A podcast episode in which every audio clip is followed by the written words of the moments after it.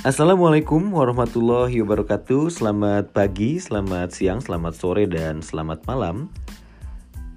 Bagi rekan-rekan sekalian yang mendengarkan siniar pada kesempatan ini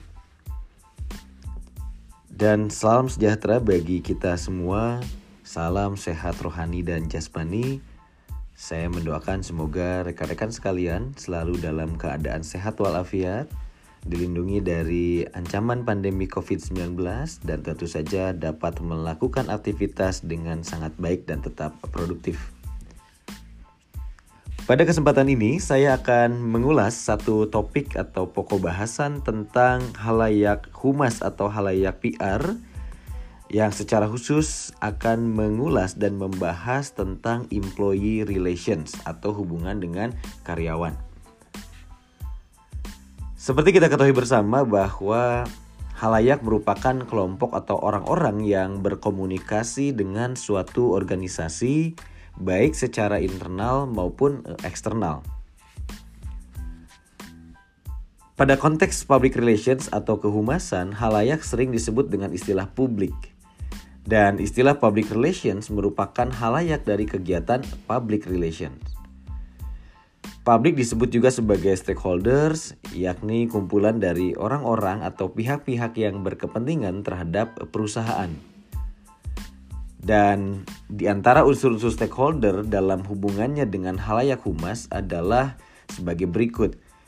Yang pertama adalah masyarakat luas, kemudian calon pegawai atau anggota, kemudian pegawai atau karyawan atau staff atau juga anggota, kemudian juga pemasok, kemudian juga masyarakat keuangan, kemudian juga distributor, kemudian juga konsumen, pengguna, pemakai, kemudian juga pencipta atau pimpinan pendapat umum, dan lain sebagainya. Adapun beberapa pengelompokan halayak humas antara lain yang pertama adalah publik internal dan publik eksternal.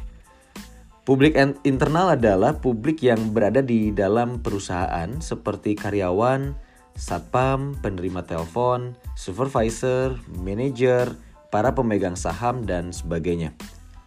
Sedangkan publik eksternal adalah mereka yang berkepentingan terhadap perusahaan dan berada di luar perusahaan, seperti penyalur, pemasok, bank, pemerintah, komunitas, dan pers atau media. Kemudian pengelompokan yang kedua adalah publik primer, sekunder, dan marginal. Perusahaan perlu menyusun suatu kerangka prioritas dalam menghadapi elemen stakeholders.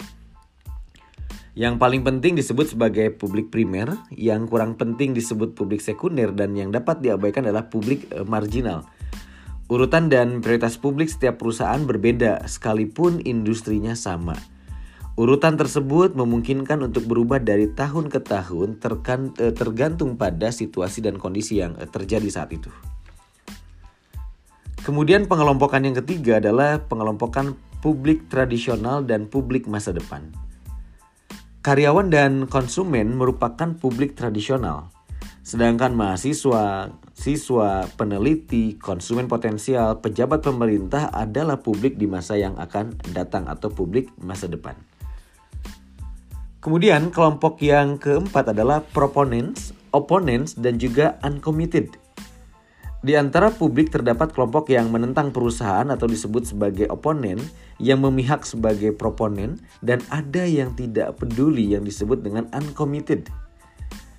Perusahaan perlu mengenal publik yang berbeda-beda ini agar dapat dengan jernih melihat permasalahan dengan sangat baik. Sehingga perusahaan bisa menentukan sikap dan juga program-program ataupun komunikasi-komunikasi yang akan kemudian disampaikan kepada publiknya. Kemudian kelompok yang terakhir adalah silent majority dan vocal minority. Dilihat dari aktivitas publik dalam mengajukan komplain atau mendukung perusahaan dapat dibedakan antara yang vokal atau aktif dan ada yang silent atau pasif. Publik penulis di surat kabar umumnya adalah the vocal minority, yaitu aktif menyuarakan pendapatnya namun jumlahnya tidak banyak. Sedangkan mayoritas pembaca adalah pasif sehingga tidak kelihatan suara atau pendapatnya. Dan tentu saja pesan PR atau kemudian pesan kehumasan dan media yang digunakan tidak dilakukan secara sama kepada semua halayak yang tadi saya telah sebutkan sebelumnya. Baik, selanjutnya alasan pokok atau alasan penting kenapa kita sebagai perusahaan atau sebagai seorang PR harus mampu menetapkan halayak atau publik dengan sangat baik. Menurut Jepkins, Alasan pokok menetapkan halayak antara lain pertama adalah untuk mengidentifikasikan segmen halayak atau kelompok yang paling tepat untuk dijadikan sasaran suatu program kehumasan.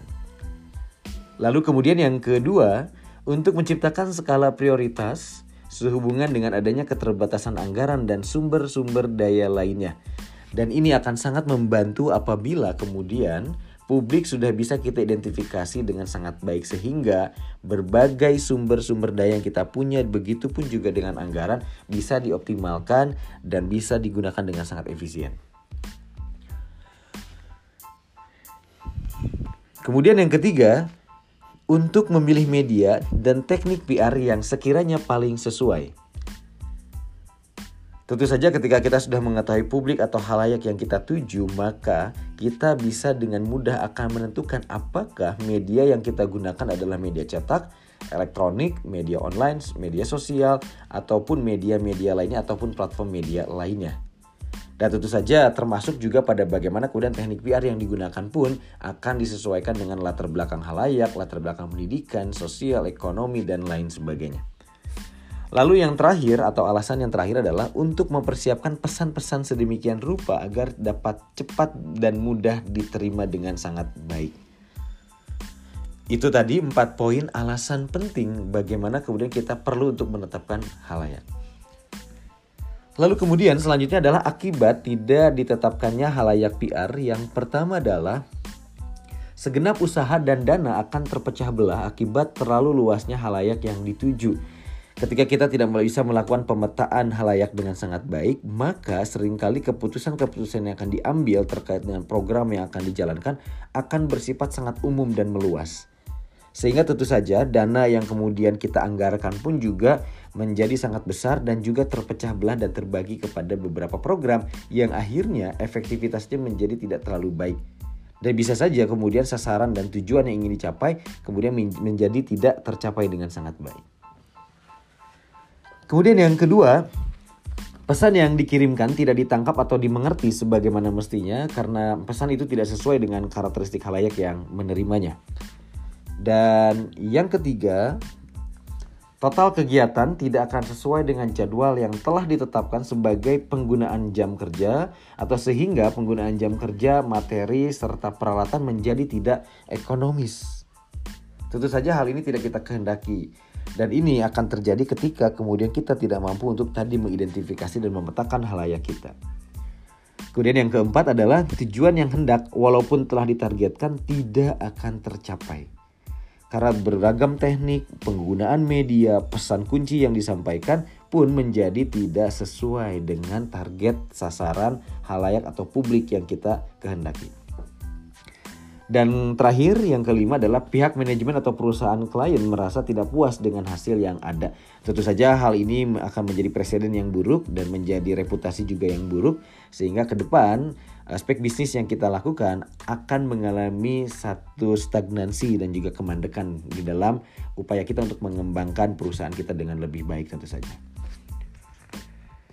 Nah, setelah tadi sebelumnya saya ulas tentang halayak PR secara umum, selanjutnya kita akan membahas tentang employee relations. Namun sebelum itu saya akan jeda sebentar dan rekan-rekan dapat menikmati sajian lagu eh, berikut ini dan kita akan segera bertemu kembali.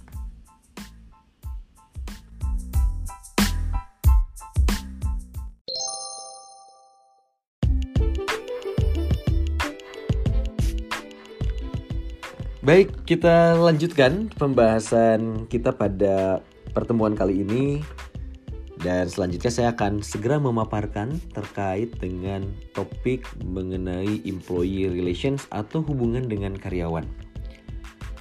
Hubungan dengan karyawan meliputi semua bentuk komunikasi di antara pimpinan organisasi dengan karyawannya. Dan halayak karyawan termasuk tentu saja di dalamnya adalah pegawai, kemudian pimpinan, pekerja kontrak, dan serikat pekerja. Ini adalah elemen-elemen atau unsur-unsur yang tentu saja akan uh, kurang lebih akan sama di semua perusahaan. Elemen-elemen ini akan hadir di sana sehingga penting bagi seorang pihak untuk memahami halayak yang akan dihadapi ketika bicara dalam konteks employee relations. Karena kita tidak bisa hanya fokus kepada publik eksternal, tentu saja publik internal pun juga harus kita jaga betul soliditas, produktivitas, kenyamanan bekerja dan memastikan bahwa hak dan kewajiban mereka bisa betul-betul diterima dan dijalankan dengan sangat baik. Dan bagaimana kemudian kepentingan mereka pun juga bisa terakomodir dengan sangat baik dan aspirasi mereka pun bisa kita fasilitasi dan jembatani dengan pimpinan perusahaan. Begitu pula jika dengan pimpinan yang memiliki program atau sosialisasi tertentu terkait dengan kebijakan bisa kita sampaikan dengan baik kepada karyawan agar mereka memahami dan tidak mengganggu produktivitas pekerjaan dengan baik. Tujuan dari employee relations atau hubungan dengan karyawan yang pertama adalah meningkatkan pengetahuan karyawan tentang kebijakan, kemudian juga kegiatan dan perkembangan serta pertumbuhan organisasi. Ini menjadi penting untuk kemudian diketahui oleh karyawan karena bagaimanapun roda dan perputaran dari produktivitas dari perusahaan dan bagaimana kemudian perusahaan bisa memenuhi berbagai kebutuhan yang ada di masyarakat akan sangat juga ditentukan oleh bagaimana kemudian karyawan mampu memahami arah perkembangan dan pertumbuhan dari organisasi serta apa yang dikehendaki oleh pimpinan di perusahaan. Kemudian yang kedua, tujuan lainnya adalah meningkatkan sikap positif karyawan terhadap organisasi. Ini sangat penting sekali. Kemudian yang ketiga adalah menerima feedback dari organisasi. Seperti tadi saya sampaikan bahwa ada aspirasi, keinginan, dan harapan yang disampaikan oleh para karyawan kemudian bisa mendapatkan respon dan timbal balik dari organisasi. Beberapa kegiatan yang dapat dilakukan dalam upaya untuk membangun hubungan dengan sangat baik dengan karyawan antara lain adalah mengikut sertakan karyawan pada pelatihan atau workshop dan juga seminar untuk menumbuh kembangkan kemampuan dan kompetensi serta keahlian dari para karyawan. Selain itu tentu saja untuk mengaktualisasi diri karyawan sehingga mereka betul-betul bisa dengan cepat e, merespon perubahan-perubahan dan adaptif terhadap perubahan-perubahan yang terjadi saat ini. Kemudian yang kedua, menyelenggarakan program khusus tentang teknologi baru karena hari ini paparan teknologi sudah tidak bisa kita hindari dan semua aspek semua hal saat ini sudah menggunakan uh, teknologi sebagai unsur utama di dalam melakukan berbagai aktivitas dan pekerjaan. Sehingga penting untuk memberikan pemahaman terkait dengan penerapan teknologi-teknologi di dalam berbagai aktivitas pekerjaan. Kemudian yang ketiga adalah open house bagi karyawan dan keluarganya. Momen seperti ini menjadi sangat penting di hari-hari besar, di hari-hari khusus untuk membangun keakraban, kedekatan, dan bagaimana kemudian ada ikatan emosional yang terbangun di antara karyawan dengan uh, seluruh uh, bagian di dalam perusahaan. Dan yang keempat bisa melakukan aktivitas olahraga bersama atau kemudian juga bisa mengadakan satu outbound atau kemudian kegiatan-kegiatan lainnya yang memungkinkan adanya kebersamaan dan bisa jadi juga memberikan semacam penyegaran bagi para karyawan agar kemudian produktivitas mereka, mood mereka di dalam bekerja tetap terjaga dengan sangat baik. Lalu kemudian media yang dapat digunakan dalam membangun hubungan dengan e, karyawan ataupun juga dengan publik yang ada di dalam e, internal perusahaan khususnya. Yang pertama adalah majalah dinding, kemudian juga bisa kita gunakan magazine e, atau buletin ataupun juga e, letter yang ada di dalam perusahaan, baik itu berkala secara mingguan, dua mingguan maupun bulanan. Kemudian juga ada pameran yang juga bisa digunakan sebagai upaya untuk membangun keakraban dan hubungan yang sangat baik dengan para e, karyawan. Kemudian juga ada internal television, kemudian juga dengan meeting, teleconference, kemudian audiovisual, dokumentari film, slide presentation, vlog, blog dan e, lain sebagainya ataupun juga ada booklet, pamflet dan juga e, brosur. Nah, ini juga sangat penting untuk bisa dipahami oleh para karyawan ketika mereka membutuhkan informasi terkait dengan perkembangan dan pertumbuhan organisasinya. Dan sedikit banyak juga akan memberikan kebanggaan dan juga ke kebahagiaan yang luar biasa ketika karyawan melihat ada andil dan kontribusi mereka di dalam memperbaiki dan membangun citra reputasi dan juga bagaimana kepercayaan publik untuk menggunakan produk layanan jasa yang kita miliki. Itu yang dapat saya sampaikan pada kesempatan kali ini terkait dengan halayak humas dan juga media dalam employee relations, kemudian kegiatan employee relations, tujuan employee relations, ataupun juga bagaimana hakikat memahami employee relations di dalam konteks pekerjaan sebagai seorang public relation ataupun humas di satu instansi ataupun organisasi maupun juga korporasi dan perusahaan.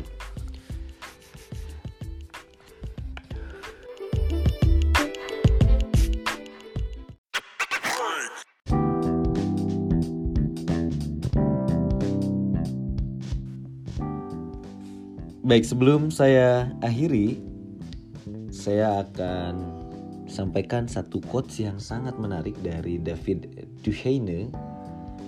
Dia menyampaikan bahwa employee engagement is about the willingness of people to be responsible for more than their own job. People who are engaged go to the extra mile.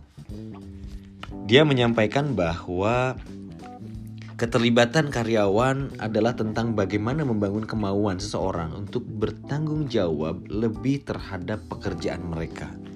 Sehingga apabila telah terbangun ikatan atau keterlibatan tadi, maka kita akan mencapai sesuatu yang lebih dari tentu saja apa yang seharusnya dikerjakan. Dan tentu saja ketika dalam konteks ini, ketika kita memiliki hubungan yang baik dan karyawan, bagaimana keterlibatan karyawan kita hargai betul sebagai publik yang sangat penting bagi berjalannya satu produktivitas perusahaan, maka kita akan mencapai satu titik yang sangat jauh ketika kita bisa berjalan bersama-sama dengan para karyawan untuk mencapai satu tujuan.